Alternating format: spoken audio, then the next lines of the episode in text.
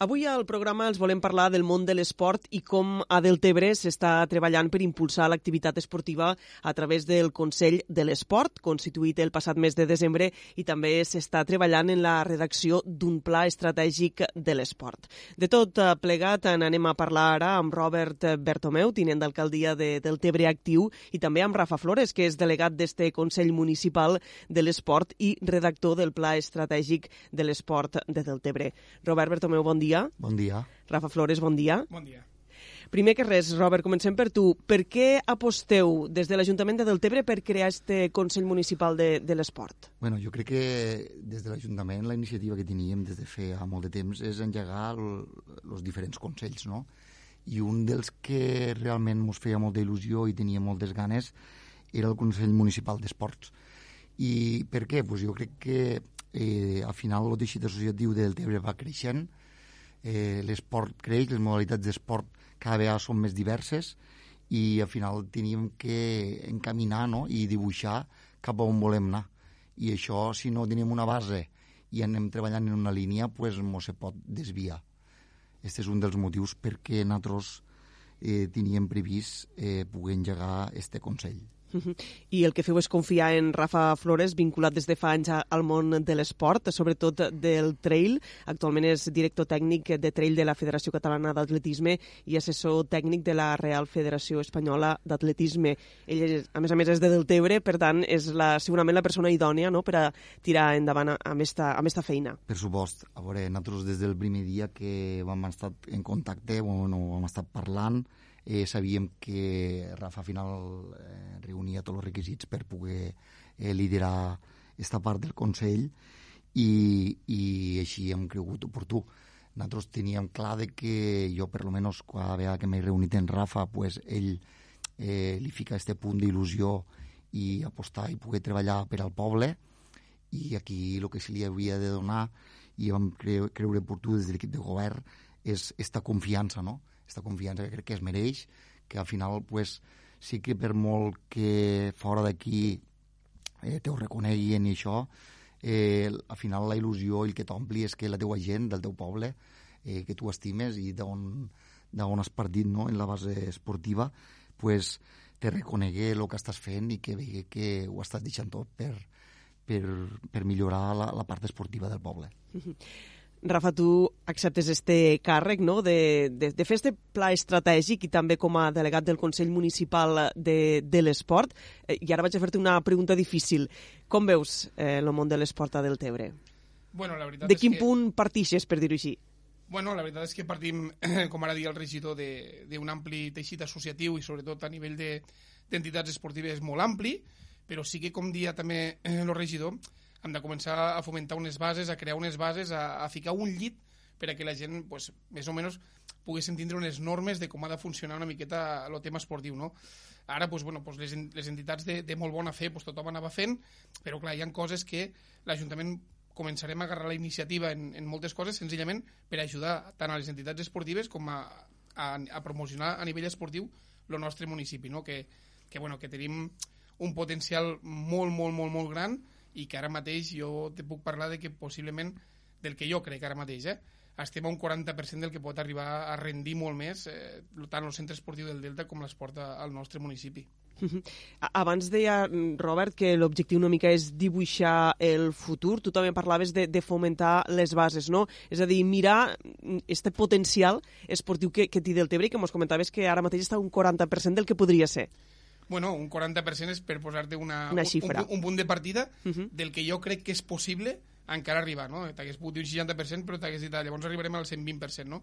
Jo crec que fa falta, fa falta moltíssim, però que l'altre avantatge que tenim és que hi ha gent que té moltes ganes, que cada vegada s'està confiant més en este model a mesura que ho anem explicant a les entitats. Les entitats ho tenen com a molt ben rebut i, i que la veritat, doncs, bueno, també és veritat que el pensament o la manera de, de fer també de la gent del poble de, quan a l'activitat esportiva o l'activitat física doncs va canviant bastant. No? Ja veu que l'activitat física és un punt de salut important, que ja només és l'esport de competició, i aquí és on també volem jugar una carta important. No? Eh, los crios, los xiquets del nostre municipi que no vulguin competir, què fem? Tenen esport, tenen activitat física, pues aquí començarà l'ampli ventall d'activitats que volem oferir eh, al municipi del Tebre.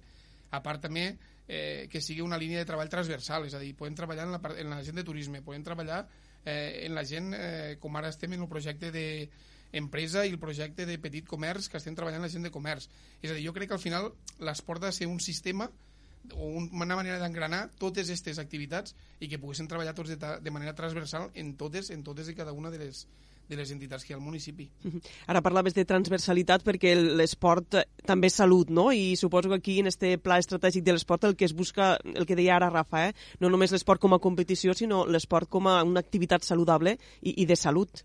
Sí, la veritat és que jo penso que, que la línia que portem és, és, és la que hauríem d'anar agafant, però en principi eh, l'important és poder crear aquestes bases i unificar una mica i dibuixar eh, el futur de Deltebre cap, cap on volem anar. Nosaltres Deltebre hem vist que esportivament està creixent aquests últims anys.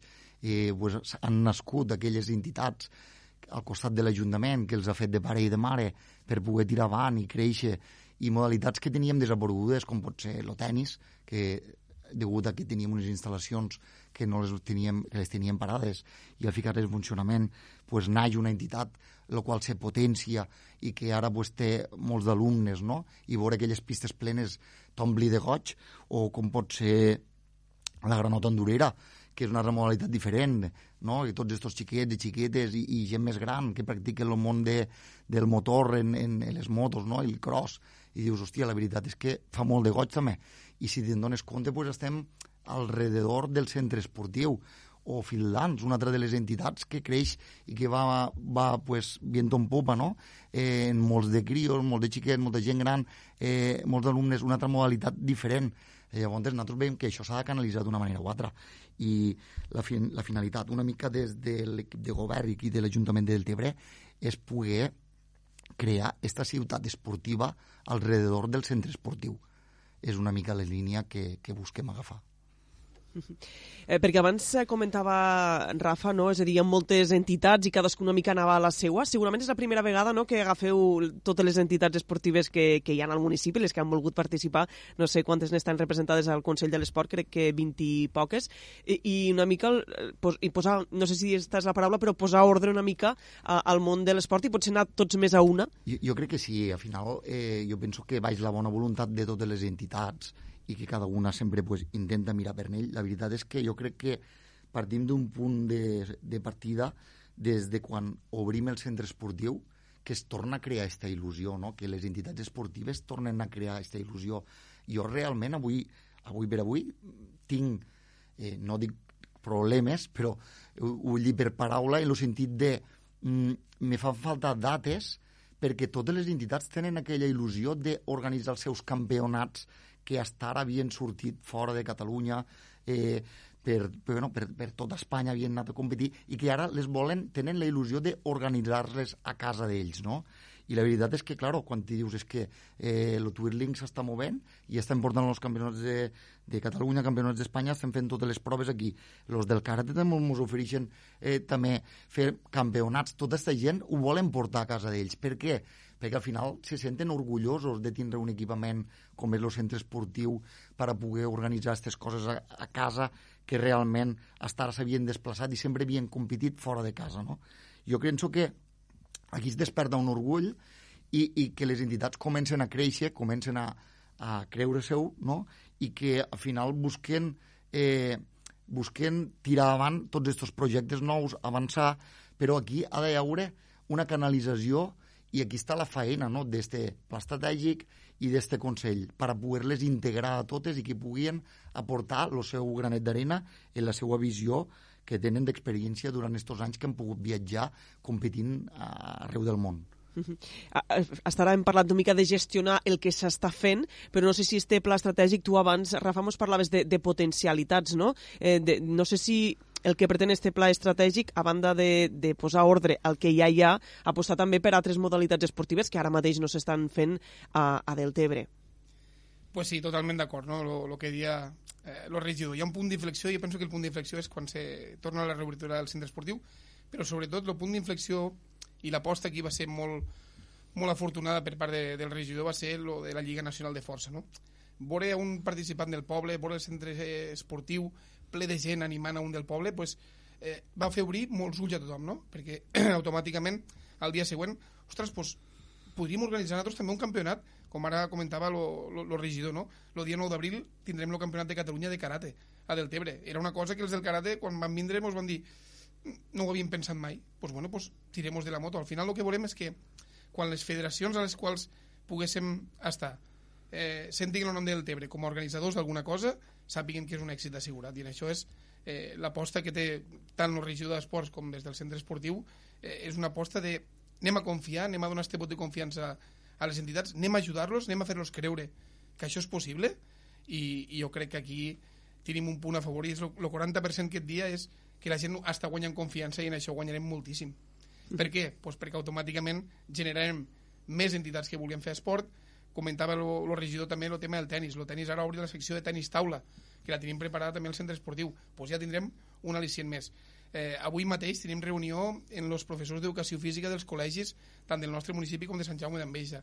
La setmana que ve tenim reunió els mestres, o els professors en aquest cas, de l'Institut del Tebre, perquè per a nosaltres són una font important eh, de, de possibles clients o possibles abonats, però sobretot una font important d'activitat física i d'entrada al nostre centre esportiu. Al final, el que estem fent és un servei a les persones i el que, lo que diem abans i el que corrobora el regidor no és d'activitat física, o sigui, l'esport i la competició pràcticament la tenim bastant, bastant coberta aquí del Tebre.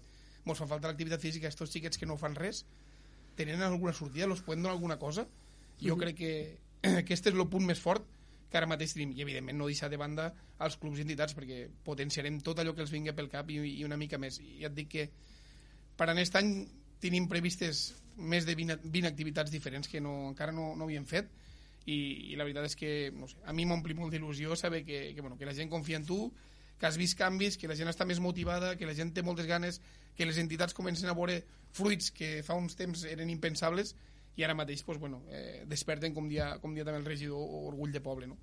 Suposo una mica que també voleu acabar en aquesta sensació de que els xiquets, les xiquetes, no? o fan futbol o fan patinatge o twirling, però que pareix que no hi haguen més opcions i n'hi han moltes més i, i segurament que se'n treballaran moltes més.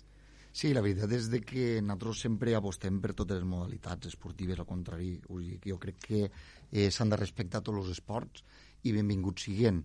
Nosaltres des de la casa i més ara, eh, treballant en Rafa, eh, reunim totes les setmanes, parlem, fiquem damunt la taula tots els projectes que tenim, totes les propostes, valorem, engeguem els que veiem convenients, però sí que és veritat que al final pues, eh, la feina que ha pogut anar fent ara durant aquests dies i poder treballar conjuntament en un pla estratègic, eh, volem anar ficant fil a l'agulla a tots aquests projectes, però tampoc no volem eh, que es faci tot en un any, perquè al final eh, les coses... Eh, jo, jo recordo que tenia un entrenador eh, i que dia, si, si corres no penses, no?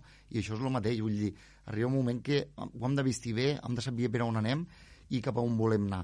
I aquí la veritat és de que eh, eh, ens dona la mateixa importància eh, una pràctica esportiva que pugui tindre 150 eh, xiquets o xiquetes que una que es comença en 4 o 5 per què? Perquè jo penso que eh, totes les modalitats són importants. Jo quan veig una d'aquelles classes de gym de gent gran pel matí a la piscina del centre esportiu, és que me cago la bava perquè veus que estan motivats, que són gent gran, molt gran d'edat, i que tenen una piscina on l'aigua els arriba per cintura, segura, se motiven, en música, en els monitors que es fan moure, en les classes, i aquella gent i a les 9 ja estan fora i han fet una horeta d'exercici o mitja hora d'exercici, s'han dutxat cap a casa i aquesta gent se troba millor. I al final és la millor medicina que pugui haure. I això n'han de ser conscients. I a partir d'aquí jo crec que des de l'equip de govern eh, no, de, no ha de mullar la línia d'apostar per millorar les instal·lacions del centre esportiu, perquè al final creiem que és la base de tot. Sabem que ara, estos últims, estos últims mesos, pues, vam potenciar el que és la part, van canviar una de les dues pistes de pàdel, la gespa, perquè, perquè era de, des de quan se va obrir el centre. Quan vam inaugurar ara nosaltres eh, que vam reobrir el centre, en van canviar una, i ara m'han canviat una altra. Esta setmana han canviat eh, els focus i els han substituït per LED, en llum més blanc, es veu millor. Eh, tenim el projecte per a poder engegar ja el que és el bar que traurem a concessió de la piscina exterior de fora. Per què? Perquè al final jo crec que és un punt de referència en el qual ens hem de sentir tots identificats i que eh, al final ens ho estiméssim tots perquè allò és de tots. O sigui, allò és de tots. I els primers que hem de cuidar d'aquest equipament som nosaltres. I jo crec que eh, la base en la qual l'esport pugui tindre aquesta diversitat a, a Deltebre és aquest equipament. I aquí hem de canalitzar-ho molt bé, perquè és un equipament molt gran, ja sabem que el seu dia, pues, pel número d'habitants que tenia la població, eh, pues, sempre diem que era un dels equipaments que potser eh, mos havíem passat de volta no? al moment de construir un equipament d'aquestes dimensions, però ben gestionat, dona cabuda no, no només a Deltebre, sinó a Deltebre i a pobles veïns. I que, i que les entitats s'aboquien a poder organitzar aquestes competicions a casa, aquí, a la població, eh, és un orgull. Eh, esta setmana tenia una, vaig tindre una reunió i, i co comentaven les del Twirling del Tebre que me diuen, és que Robert, tenim la data que ens coincidí, ja ho sabem perquè també teníem problemes en el tema de la triatló, però és que el problema és no tenim prou allotjaments a Deltebre per acollir tants d'esportistes i familiars. Això és un orgull. O sigui, que, que tinguéssim proves d'estes on poguéssim omplir tots els allotjaments, tot, tots els allotjaments turístics que tenim, la part d'hotelera, que tinguessin que trucar a Sant Jaume, a l'Ampolla, a la Ràpita, per oferir llits per poder dormir gent, i jo crec que d'aquí parteix la base, no? que, que al final és tota una massa social que es mou i que, que caigui aquí al Delta, que caigui aquí del Tebre, pues, és un orgull per a, per a, per a tots. Ara que, pa, que parlem d'equipaments, hi ha hagut un moment que Robert has parlat de ciutat de l'esport. No sé si Rafa pot aprofundir més no? en este concepte de, de la ciutat de l'esport, que m'he quedat en, en este concepte. Bueno, és un, un concepte. La veritat és que diem ciutat de l'esport perquè volem que, que al final allò sigui el centre neuràlgic de l'esport. No? L'altre dia mateix en el regidor mos ho miràvem des d'allí el pavelló i mos mirem les terres que hi havia al voltant i, i ell mateix me dia, diu, és que això, això ho hauríem de comprar perquè al final tot el que hi ha aquí ha de ser zona esportiva, no? I considero també zona esportiva el pavelló del Salat, perquè relativament està, està bastant a prop, vull dir que, que crec que allò de ser el motor i el centre neuràlgic de l'esport a, a Deltebre, tenim els pols oposats, eh, els camps de futbol que ja els tenim, pues, entre cometes, ben controlats, eh, se dinamitzen sols, i ara crec que falta dinamitzar este, este punt que, que al final és, és la futura ciutat esportiva del Tebre, és el futur centre esportiu del Delta, i en té, com deia el regidor, té cabuda tothom i esperem que tothom tingui cabuda. Parlàvem abans de, de potencialitats, també parlem d'equipaments, però no sé si tens la sensació també que ara mateix hi ha poc aprofitament del riu a nivell esportiu. No sé si aquest també és un dels camins cap a on Rafa Flores vol anar. Bueno, eh, l'aprofitament dels recursos naturals és una de les, eh, una de les vies importants d'aquest projecte, no? i com te dia, pues, també ha d'anar lligat en la part del turisme. No? Eh, un, un dels projectes que hi ha, de les, dels quatre projectes importants dins d'este que ha elaborat, pues, eh, està lo de, lo de turisme, lo de turi, bueno, estiu actiu, turisme viu, no?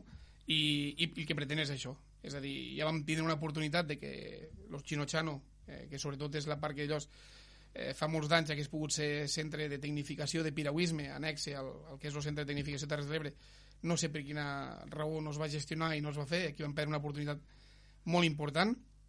I, i bueno, ara el que hem de fer és pues, intentar tornar a fer creure que, que el riu és un potencial molt important per, a, per al nostre municipi. També és veritat, i en això ho corroboro, per exemple, els twirlings o els esports que són de nivell individual, que cada vegada pues, el sacrifici dels atletes o de la gent pues, costa una miqueta més, perquè en un dia com ahir o en un dia com a... avui encara fa bona hora, però 3-4 dies que han tingut de fred, eh, qui és el que es fica al riu pensant que té un campionat d'Espanya, pensant que té un campionat de Catalunya, eh, és, és complicat, però bueno, eh, s'ha de treballar i, i el que dia lo, lo regidor, no? el primer dia que em vaig sentar tant en l'alcalde com en ell jo vaig dir, però bueno, el projecte a quan lo voleu? perquè podria ser un projecte electoral perfectament uh mhm. -huh. i em va dir no, no com a mínim 4 o 5 anys és a dir, el 2026-2027 eh, volem que ja veiéssim una cosa clara de dir aquí s'ha fet alguna cosa. Clar, llavors, quan veus que no és un projecte electoral, sinó que és un projecte de poble, pues, eh, dius, acceptes en seguida. Eh, tornem al Consell Municipal de, de l'Esport, que, que diem abans que tenen representació en les entitats esportives del municipi, unes eh, 23. Eh, eh, això són molts clubs, una mica com fareu que sigui operatiu? Bueno, la veritat és de que nosaltres aquí vam ja, vam fer, ja vam passar un filtro, i vam dir quines entitats reconeixíem dins d'aquest Consell i aquí ara anirem per diferents blocs i dins del Consell se crearan unes comissions de treball. O sigui que al final eh, quan parlarem de motor o esports de motor, no farà falta que estigui els del twirling. O quan parlarem d'altres esports individuals tampoc farà falta que estigui els altres.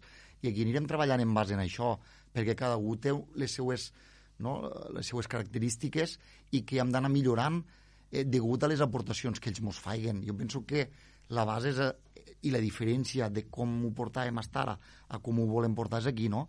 Perquè jo recordo reunions que a vegades dius mm, aquell s'adorm perquè no li va per en ell, no? I això és el que volem evitar una mica. I, I les entitats com, com ho han acollit, el fet d'això, eh, de, de constituir este Consell Municipal de l'Esport, que s'estigui treballant en un pla estratègic? Rafa, tu que tens contacte en les entitats, com, com ho han acollit? Bueno, al principi pues, bueno, xoca una miqueta perquè ara este que mos ve explicar, no? Eh, però al final han entès que, que, bueno, que sí, el que comentava el regidor ara, no? Eh, sí que és veritat que quan fa reunions en totes les entitats, si estem parlant d'una cosa de motor, pues és possible que el del twirling o el del patinatge digui no sé què m'estàs parlant, o que els interessos propis del patinatge no tenen res que veure en els interessos. Llavors sí que hem creat cinc grups de treball, cinc comissions, i, i suposo que llavors quan ens sentarem a parlar si parlem de futbol, estirem tant el futbol com el futbol sala estirem parlant del mateix tots eh, una altra vegada crear transversalitats crear sinergies entre les entitats eh, que busquem és, és això. I un dels primers punts que ja volem treballar i que hem de ficar fil a l'agulla i que tenim un any i mig, dos anys per a, per a poder-ho gestionar és eh, el tema de com gestionar les instal·lacions esportives municipals. Això és un tema que bueno, entre totes les entitats ens hem de ficar i donar quines prioritats hi han a les instal·lacions, eh, quan se pot agafar, quan no es pot agafar, com ho podem fer, com ho podem deixar de fer, però clar, això és una cosa que hem d'arribar en consens en totes i cada una de les, de les entitats, perquè clar, si jo li pregunto a un, un me dirà que ell vol el que ja té, i si li pregunto a un altre, doncs me dirà el mateix pues, bueno, pues, llavors és buscar solucions entre tots i que al final sigui la millor solució per a tots. Ara parlava Rafa de crear sinergies entre entitats, segurament a un poble com Deltebre, on hi ha molts de clubs eh, o moltes modalitats esportives en diferents clubs, ho diríem així, eh, és important, no?, crear sí, sinergies. la veritat és que sí. Jo penso que és molt important perquè el fet de que tindre eh, diferents entitats doblades, ja sabem que això ve de, de, de molt, molt atràs, però la veritat és que cada vegada s'estan portant millor i que, i que les entitats entre si pues, col·laboren conjuntament i la veritat és que és un goig, no? perquè eh, del Tebre jo crec que independentment de que s'hagin creat eh, entitats doblades, eh, la finalitat nostra és, de, és eh, no només unificar, és, és apoyar i si una de les entitats veu que, que no pot arribar o que no, o que no té recursos o que no pot, per això estem per ajudar. O sigui que tampoc nosaltres aquí no anem a, no anem a, a intentar unificar, sinó que el que volem és que ajudar les entitats. Les entitats s'unifiquen elles estan soles i quan realment elles veuen que és el moment oportú, veus que, que desapareix una de les dues i se'n crea una. I això és perquè eh, al final els recursos són els que són i nosaltres des de l'Ajuntament sempre creiem i des del primer dia que pensem que les entitats eh, és el motor actiu del poble i que hem d'estar al costat d'elles i, i ho estem fent així perquè o sigui, ara estem ficant eh, la figura de Rafa, que ell té un contacte directe amb elles, ell se senta, eh, comenten, miren les problemàtiques, bus intenten buscar solucions i ficar fil a l'agulla a tot allò que hasta ara pues, se'ls quedava així eh, una mica a l'aire, no? però la veritat és de que eh, jo a vegades he parlat de altres regidors d'altres ajuntaments i els ajudem en tot, no? en com preparar eh, com presentar-se a la subvenció per part de l'Ajuntament. Eh, bueno, jo crec que és un mimo diari, no? que hi ha gent que diu, hòstia, no, nosaltres no, nosaltres eh, traiem les convocatòries, hi ha unes bases i el que se presenta bé, el que no, no. Nosaltres que ho repassem i que cinc dies abans del termini eh, per a poder presentar, si veiem que aquella entitat no, no, no s'ha presentat, li truquem, eh, i escolta que, home, hem d'entendre que eh, també està canviant molt el sistema i, i les entitats abans se portaven en gent aficionada a, a les seues modalitats, però que ara pues, hi, ha més, hi ha més burocràcia, hi ha més documentació pel mig. I aquí, si no fas un acompanyament proper, pues, tindries un risc de que esta, este registre d'entitats anés a la baixa, cosa que no està passant que del Tebre cada vegada s'estan registrant més entitats i entitats que tenim eh, en llista d'espera per equipaments, entitats que tenim que estan treballant en els estatuts perquè se'ls aprovi del Consell General d'Esports per a poder eh, registrar-se i formar part d'aquest Consell. No? Vull dir, això és un goig, és un goig, però és una cosa que hem anat madurant ja arrencat de la legislatura passada este tracte més personalitzat de cara a elles, però que no podem baixar la guàrdia. Jo crec que s'han d'anar ajudant i quan aquest acompanyament ja sigui correcte i l'entitat ja es pugui autogestionar per ella mateixa, pues aquí hem d'anar ajudant a una altra que comença a néixer. I d'esta manera és quan estem fent gran este teixit i aquesta massa muscular no? que, que del Tebre li dona aquesta capacitat.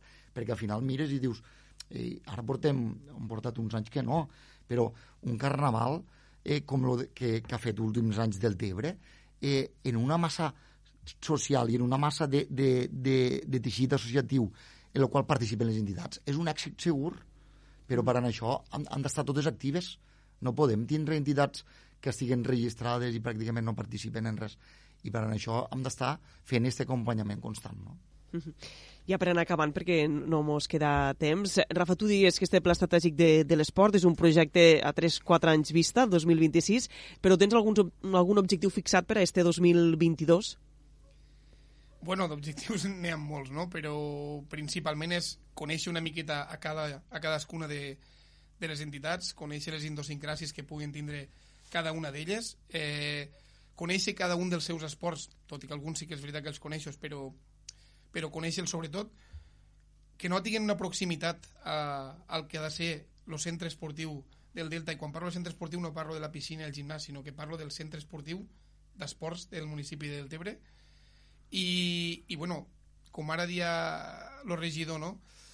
pues, per exemple, el twirling, que és un esport que, que és molt tradicional, eh, venia de les majorets, el twirling, molt tradicional al nostre municipi. Pues, eh, ja estem treballant per a fer el primer congrés de twirling, juntament amb la Federació Espanyola de Twirling, en què els dos clubs puguen participar. Ja no parlo de clubs, sinó que parlo de twillers, és a dir, d'atletes, no?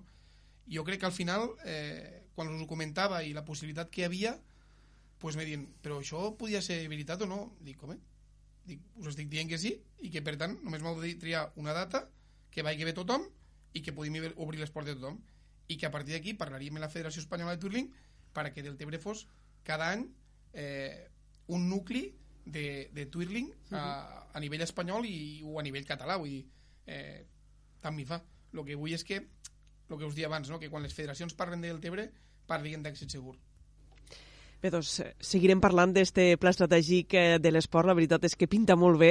Eh, moltes gràcies a Robert Bertomeu i a Rafa Flores per haver estat avui al nostre programa i us emplacem això, eh, un altre dia per a continuar parlant d'este pla estratègic de l'esport i, i de l'esport del Tebre. Molt bé, moltes gràcies. Merci.